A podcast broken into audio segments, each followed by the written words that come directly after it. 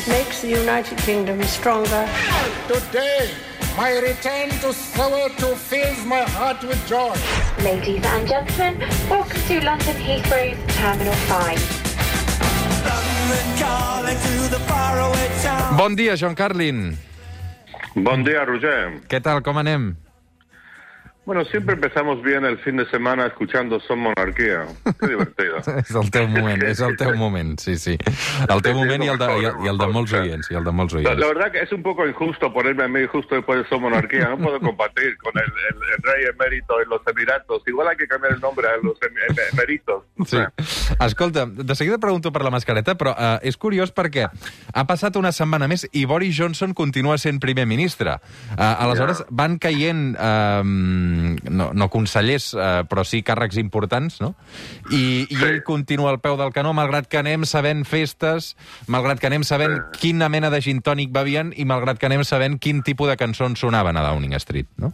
No, no, es que, es que cada día hay una noticia nueva, otro escándalo más, otra barbaridad, otro otro desastre. Es, es como, pero ahí sobrevive, es como estos, em, estos, estos animales de los dibujos animados que se caen de un precipicio, se destruyen, pero al, al minuto, al segundo están ya corriendo como locos, ahí siguen. eh, perseguidos por, por, por las hordas y este está perseguido pero pero se sigue escapando Eh, es inexplicable que, que ahí siga pero yo creo que no sé, estaba leyendo un- una revista que es muy pro Partido Conservador, muy bien, muy enchufada con lo que piensan los diputados Tories, y, dijeron que ya ahora está claro que es una cuestión no si va a caer Johnson, sino cuándo va a caer. Y, y- es, es, es casi milagroso, hay casi que aplaudir, que respetar, que admirar su capacidad de supervivencia. I tant, eh, ha estat un, un supervivent. Veurem quan acaba passant. Eh, qui s'ho mirarà des de la tribuna és la reina que eh, l'altre dia llegia que és a punt de fer 70 anys de regnat.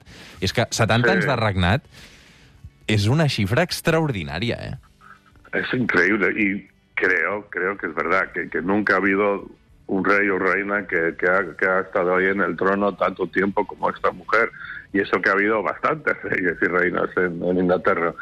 Sí, sí. Y, lo que a mí me, da pena por esta mujer a nivel de persona, como siempre he dicho, yo no soy remotamente monarquista, pero ella como persona que ahí en, en el, en el otoño o el invierno avanzado de su vida tiene que soportar todos esos horrores con sus hijos y nietos, el príncipe Andrés acusado de pedófilo y el tonto del príncipe Harry, que se le muere el marido. Em, pobre mujer, se merece, digo, a nivel personal, un fin de vida un poco más digno. -hmm.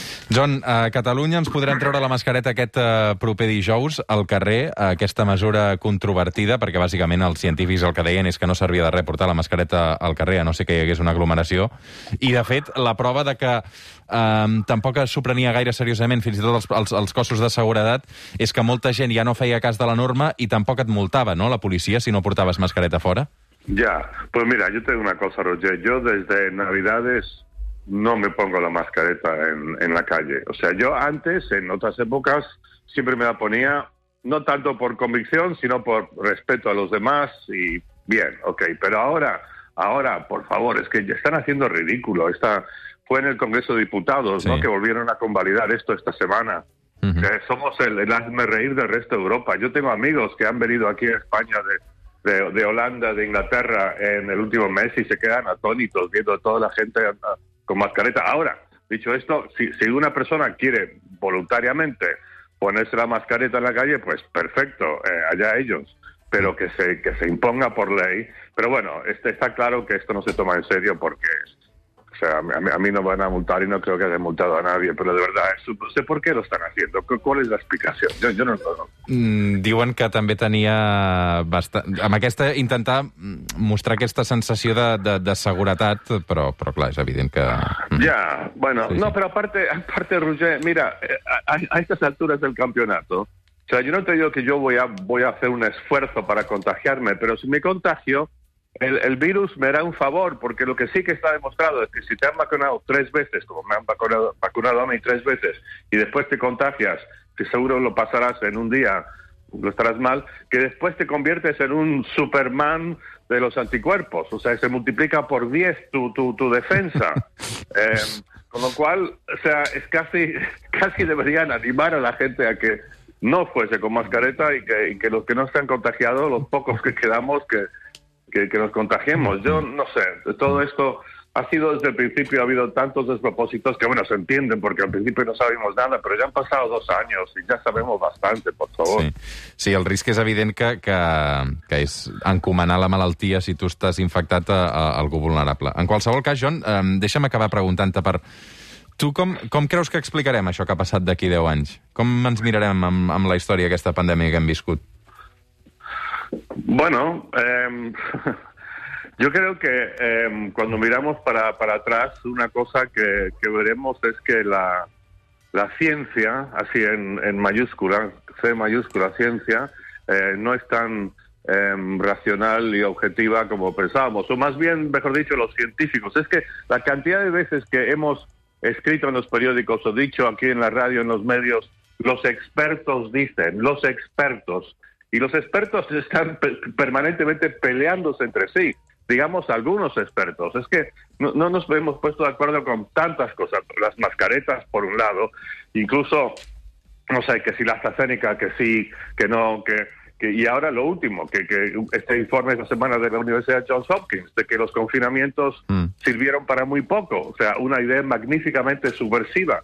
Eh, no estamos de acuerdo en nada.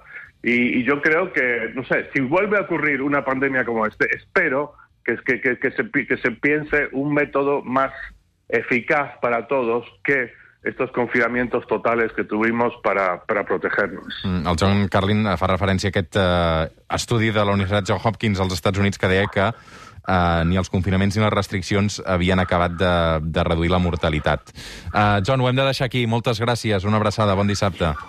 Una abraçada, Roger. Avui arribem a les 9 amb Mark House dels britànics Madness. De seguida reprenem, reprenem el fil del suplement. Fins ara.